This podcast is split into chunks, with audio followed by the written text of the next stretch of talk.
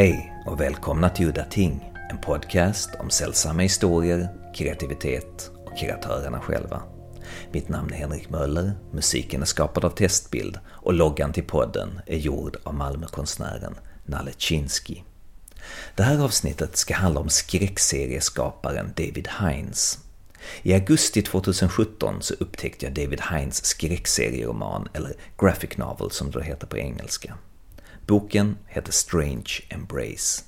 Det är en sällsam upplevelse när man i vuxen ålder upptäcker ett verk som gör djupt intryck. Och det här var definitivt ett sådant verk. Manuset är exceptionellt, det råder ingen tvekan om att man befinner sig i en mästarhistorieberättares närvaro i Strange Embrace. Davids tecknarstil är bra, men det är lite skitsamma för det finns hur många skickliga tecknare som helst där ute, men nästan ingen med Davids idéer och berättarteknik. När jag precis hade läst Strange Embrace så började jag pitcha den till alla jag kände, och min pitch, utan att spoila helheten, blev att den handlar om en tankeläsare som blir less på mänsklighetens banalitet och förutsägbarhet, så han isolerar sig och börjar läsa böcker. Därför att i romanen så kan han ju inte läsa huvudpersonernas tankar och handlingen förblir då oförutsägbar. Men så en dag så möter han en märklig, tystlåten enstöring som bor i ett stort hus med massa märkliga statyer och masker. Han är den första människa vars tankar han inte kunnat läsa och såklart så blir han besatt av att ta reda på vem han är. Han flyttar in i huset och börjar spionera på honom och skriva ner hans historia som en berättelse. Och det är här som den före detta tankeläsaren, som sedan blev läsare av böcker, nu blir en författare. Det här är alltså bara en liten, liten del av historien, men jag tycker att det här är den bästa pitchen för att intressera någon som vill läsa boken. Boken har en struktur som bygger på en struktur som jag tidigare tagit upp i ett avsnitt av Udda Ting. Eh, avsnittet om Dan och Bannon tror jag det var. Och tekniken kallas Frames of Remove. Det är alltså en berättare som berättar om en annan person som i, kanske då i sin tur berättar om sin historia. Så att tekniken har en poäng i att man får olika pusselbitar från olika karaktärer som till slut avslöjar plotten som helhet. Det märks att det här är inget hastverk. David har lagt ner lång tid på det här manuset. Så det var faktiskt min första fråga till David. How did you go about writing the story of Strange Embrace and how long did it take? Yeah, I mean, I've been working on it, writing notes for, God, I don't know how long, years and years and years. It was always in the back of my mind that this was the book I wanted to do. Everything else I did, I always felt like, uh, okay, this is what I'm doing to pay the rent. Uh, but what I really want to do is this book, Strange Embrace. Uh, and the, the problem is, if you do comics as your day job, it's very hard to focus in your time off, you know, and do more comics. And I could see it was never going to get done unless I just stopped doing everything and focused on that. But um, certainly the ideas had been in my head actually going back and embarrassing a long time. I think it all started when I was at art college in the late 1970s, and I, uh, when I left home, I was living with another student in this house, which is very much like the house of um, Anthony Corder. There was this old guy who lived downstairs, huge house. He owned it, but he he uh, had a housekeeper who looked after him, and she basically told us, "Oh, his wife committed suicide."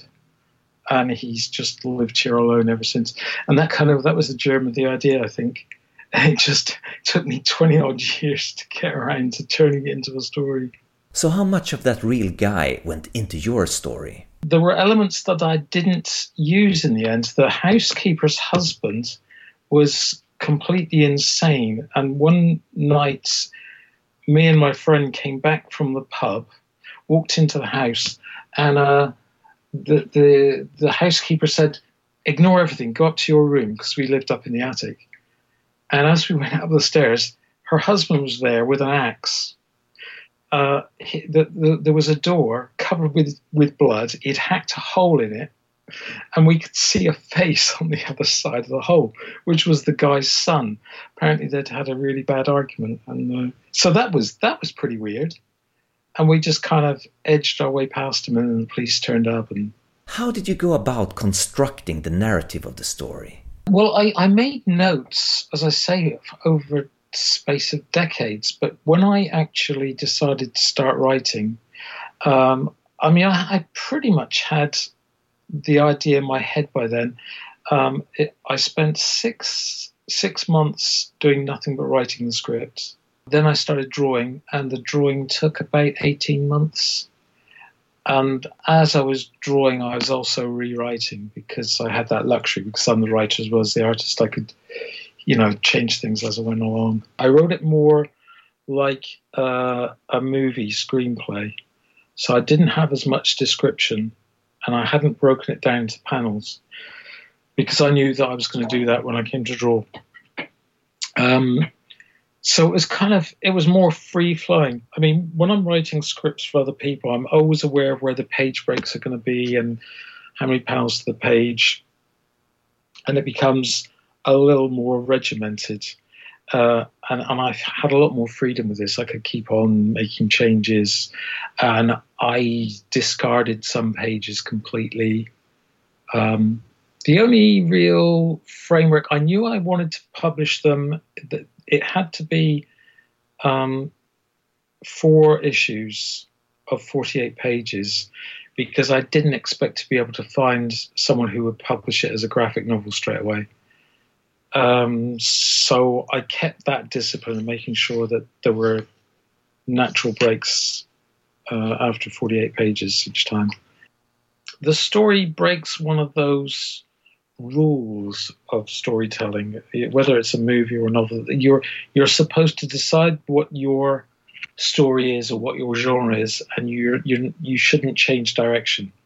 So the the story started off as Alex's story, quite a supernatural thing, and then switches to this kind of um, gothic, romantic horror so so it kind of switches genres, and uh, there was a point where I thought, should I just drop the whole framing sequence and just make it the story?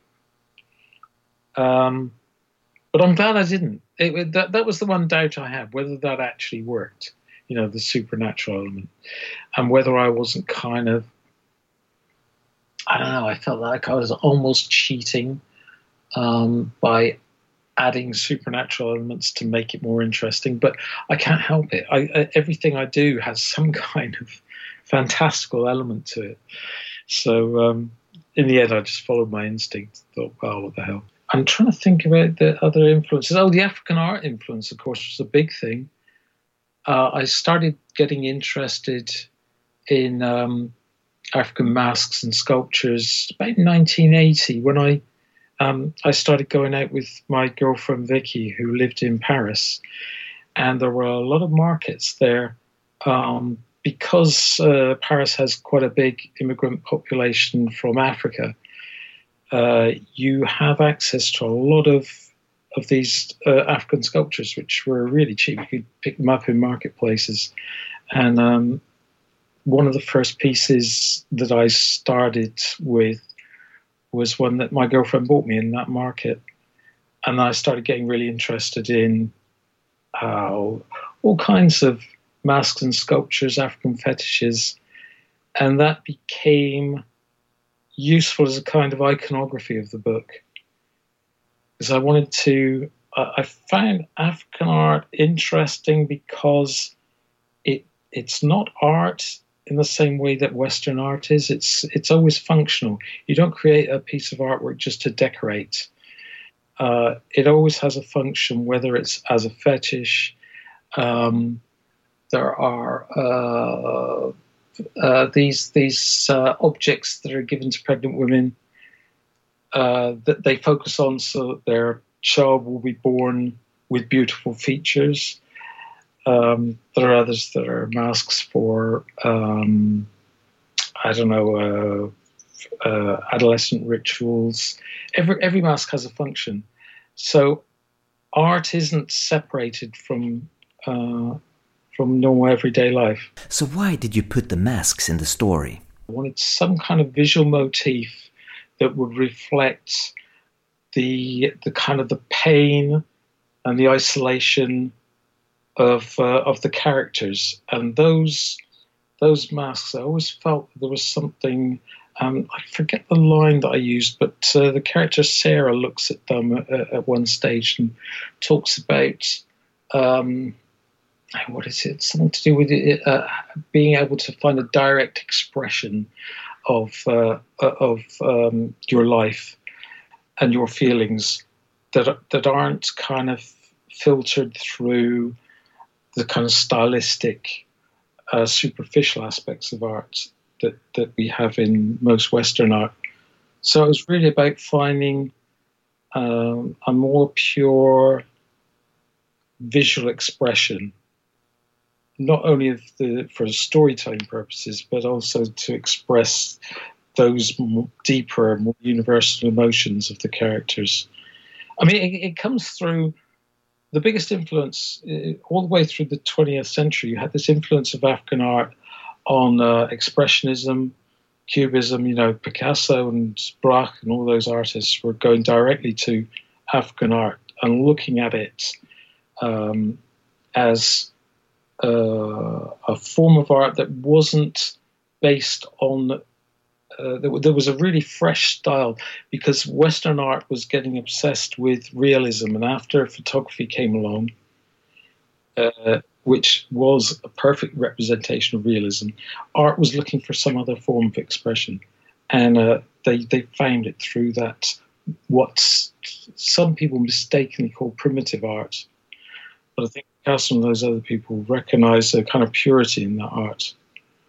Did you have the story as a whole first and later decided on this structured storytelling, or did you investigate the story as it is written, letting it unfold? Yeah, there's basically three uh, three narrators. There's Alex, who is this kind of almost supernatural character, uh, who is a psychic, who collects stories and he kind of collects people at the same time.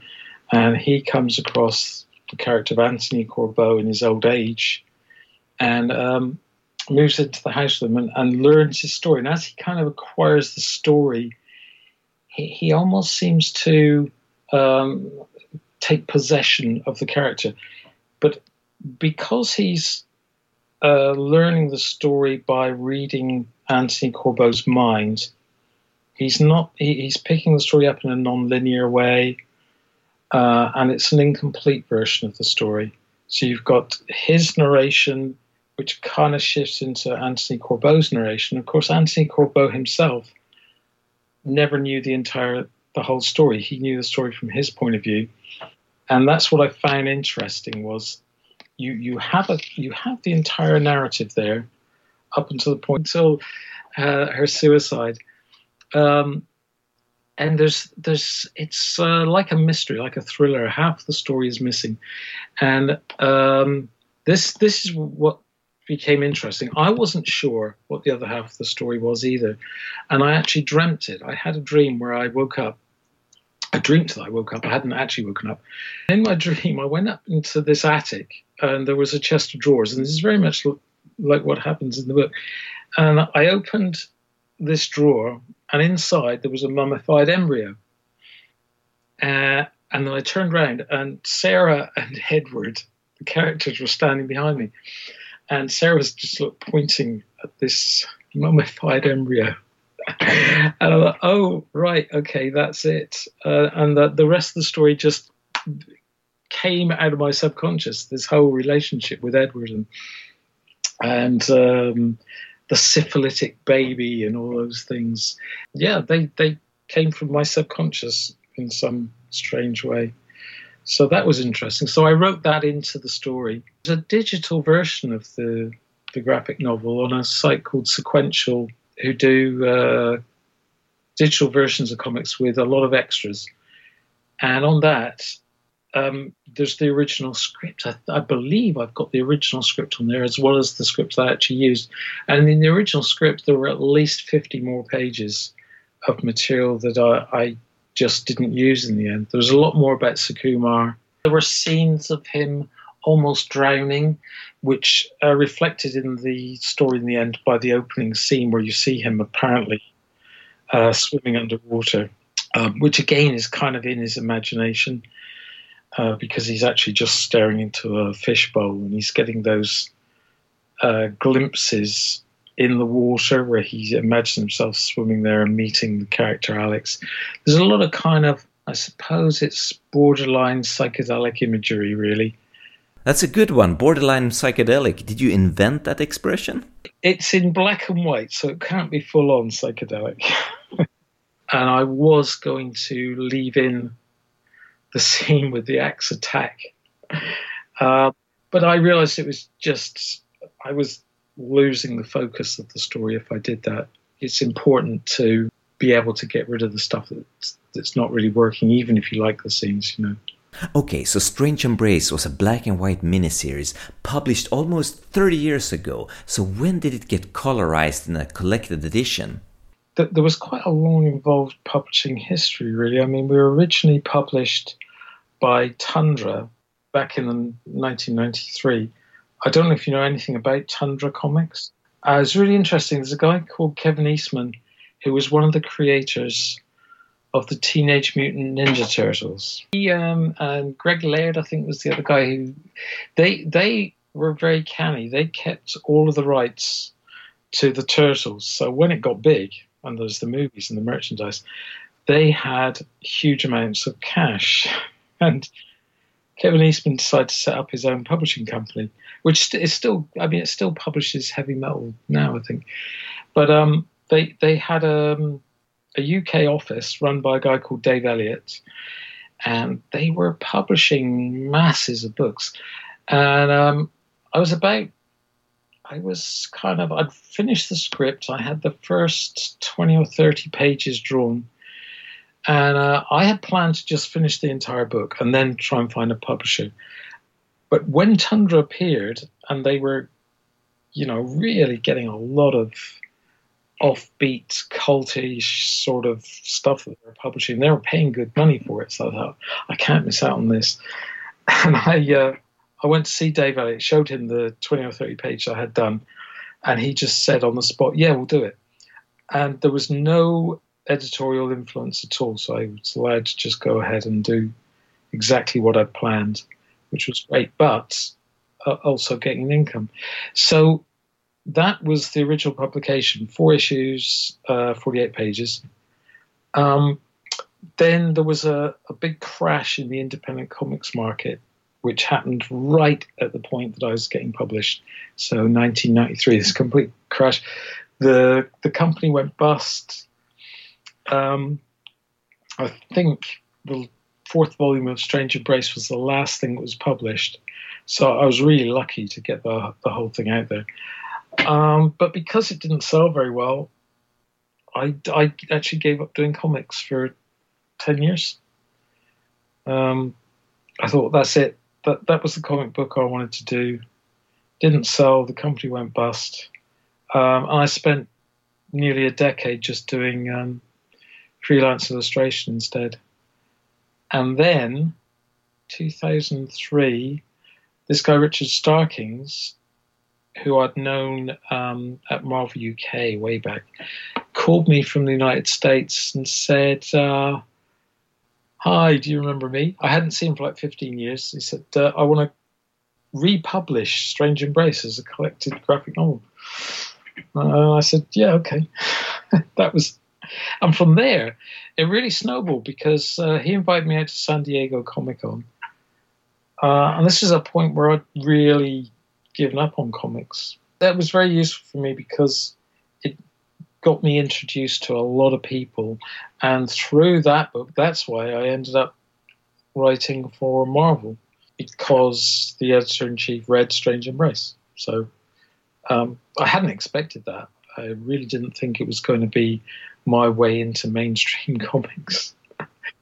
As you said, the structure and unfolding of the events are pretty offbeat, but because it has this amazing power to hold your interest, it works. I think that is one of the reactions I get from a lot of people is that it's a page turner. And I think um, no matter how offbeat the work you're doing is, you owe it to the story and therefore owe it to your audience to keep them interested. The only real crime that a storyteller can commit is to bore the audience. Have you done any other work that's in the same vein as Strange Embrace? I've just finished um, a book called Lip Hook, which is a graphic novel of 160 pages. Mark had heard about um, a story of a cult in Mexico in the early 1960s, where these guys uh, went to a village with a couple of prostitutes and convinced the locals that these prostitutes were actually goddesses. I think they painted them gold and stuff. And they set up a cult that ended up uh, involving human sacrifice um, and all kinds of drug taking and weird orgies. True story. And uh, in the end, uh, a kid saw one of their rituals where they were killing someone. He ran to a local village to tell the police what he'd seen. They didn't believe him, but one cop came back with him, was never seen again. And it ended up with the local militia surrounding the town, a big shootout. It, it's an incredible story. Um, and what I did was took that story, uh, reworked it, made it a smaller, more personal story, and set it in an English village. So the story starts with um, a car, an American 1950s Cadillac, speeding along a country road. Uh, it's full of bullet holes. They're obviously being chased. Turn off down this narrow road towards a town called Lip Hook, which also says dead end. And as they go down the road, they drive into fog. And out of the fog come all these very strange insects that start splattering on the windscreen. So they stop the car. The woman gets out, cleans the windscreen, and a strange figure appears out of the mist. And the figure breaks up into a cloud of moths that covers her.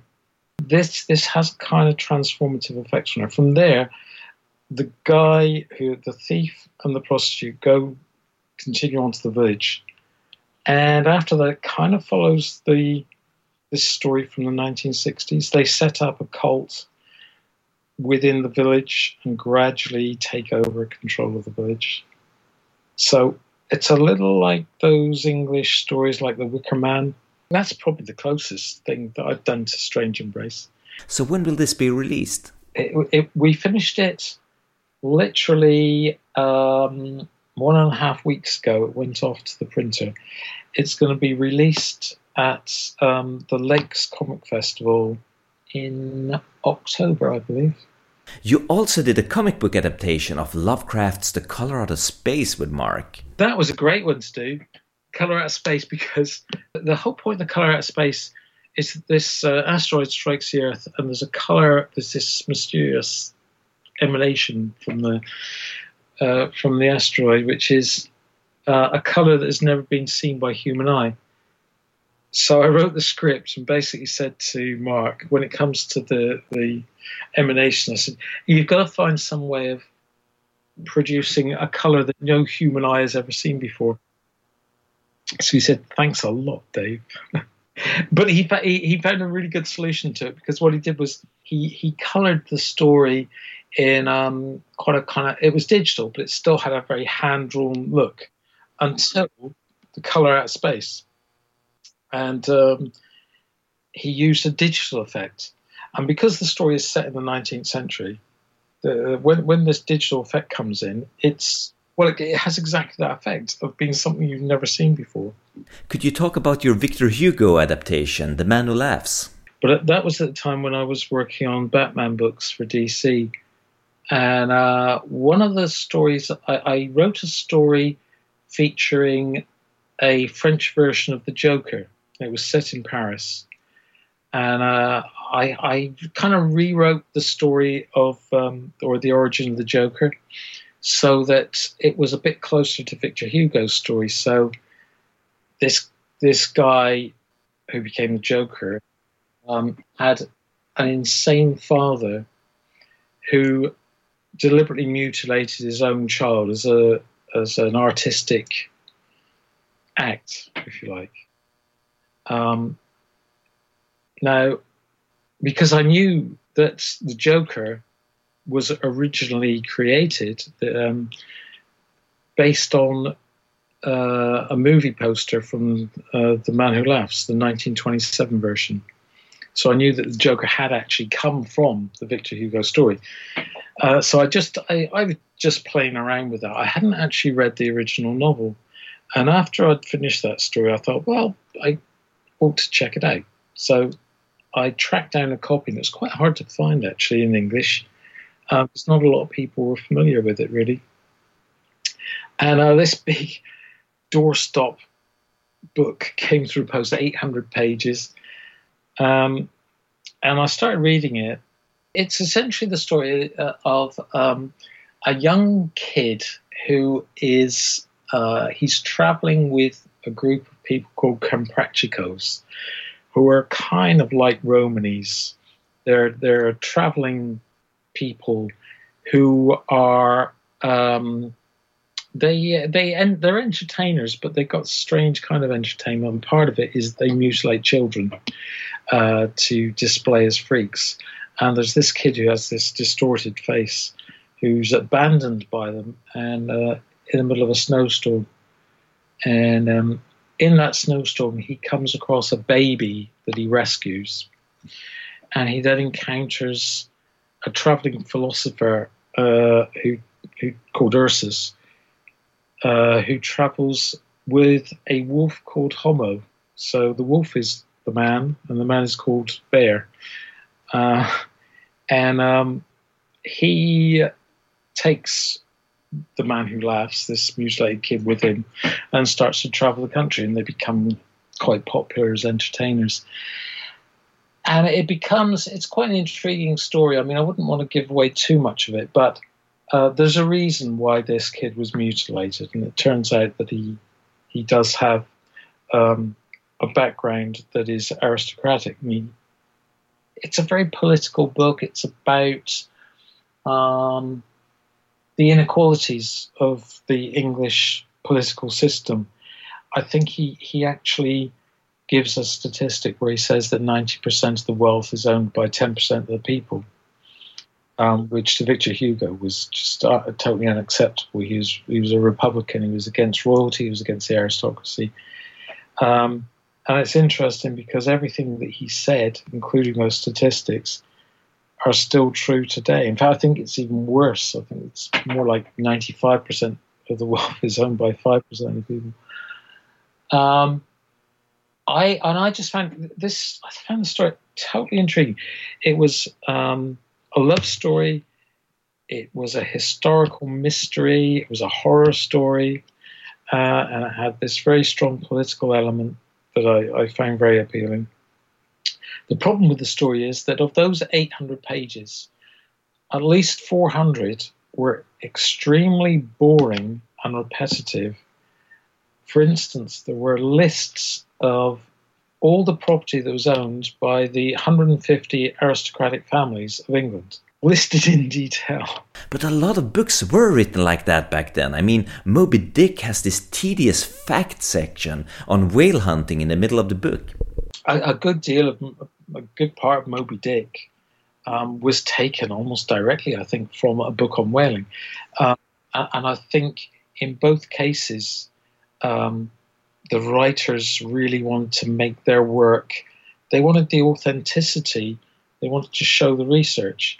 I, it doesn't bother me so much in Moby Dick. Actually, I, I, I actually find that the entire book intriguing. I never get turned off by all that all that detail, particularly as the detail of Moby Dick includes kind of crawling inside a sperm whale's head uh, to get to get to the whatever that stuff is that's in the brain of the sperm whale.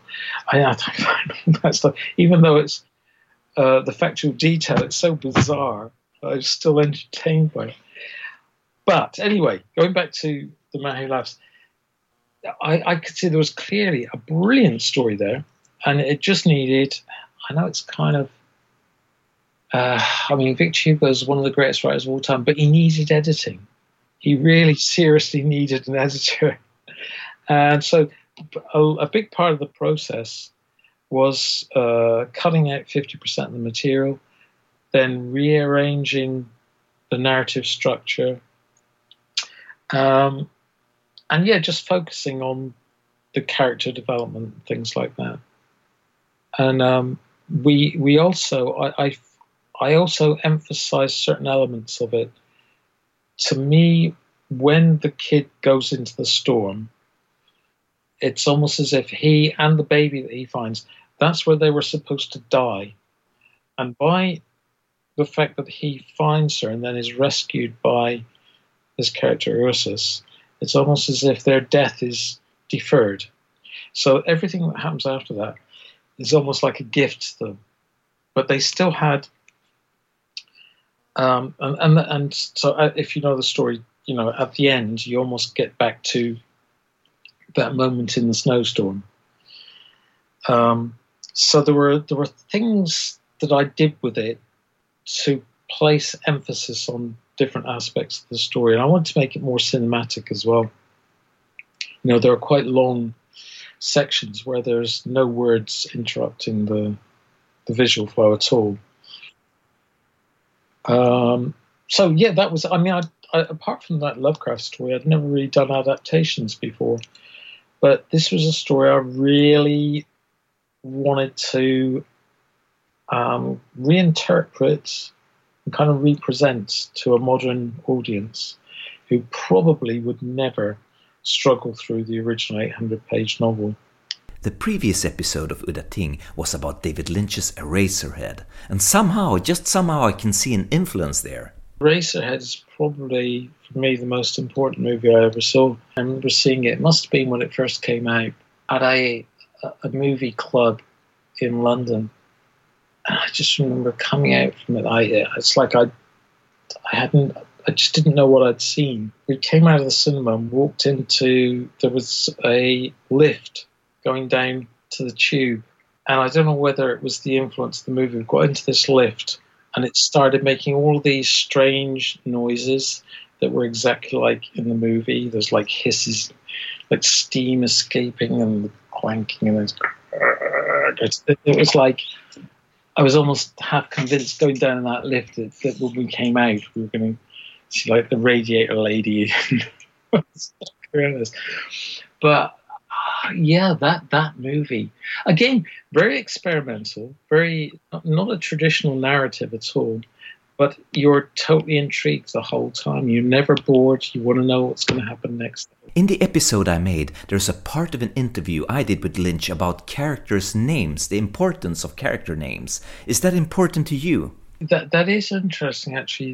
The naming characters, I always find that you know you will you'll start coming up with a story and developing characters, and choosing the names is incredibly important, and, and quite quite hard sometimes. You know, names don't just pop into your head.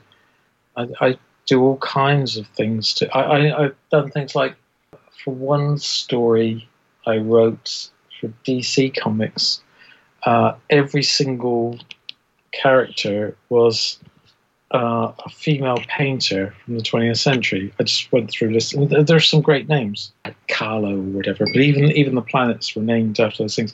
It's always it's always easier to come up with a theme like that. Otherwise, you end up going through the phone book. You can go past 500 names before you actually come across something that seems appropriate. But it is incredibly important. As soon as you've got the name of the character, he's absolutely right. It kind of defines the character in your head. Was there other influences at the time? I mean, comic book influences. One of the most influence, influential things that I was reading was um, Joe's Bar. Uh, the stories are all crime stories, superficially, but they're always far more about uh, real world people, and it's very much about immigrants, about the working classes. It's about prostitutes and junkies, but from a very sympathetic perspective. I hate it actually when people say, "So, what do you recommend?" I just read too much stuff. I am afraid it will. I, I, I'm convinced that um, the fact that older people have problems with their memory is nothing to do with the fact that our memory is failing.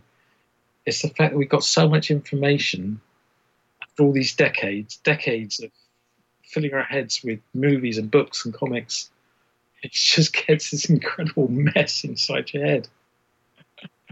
Avslutningsvis så skulle jag vilja uppmana alla lyssnare som är fans av weird fiction, skräck och surrealistiska mardrömshistorier att kolla in Strange Embrace, en av de bästa graphic novels jag har läst.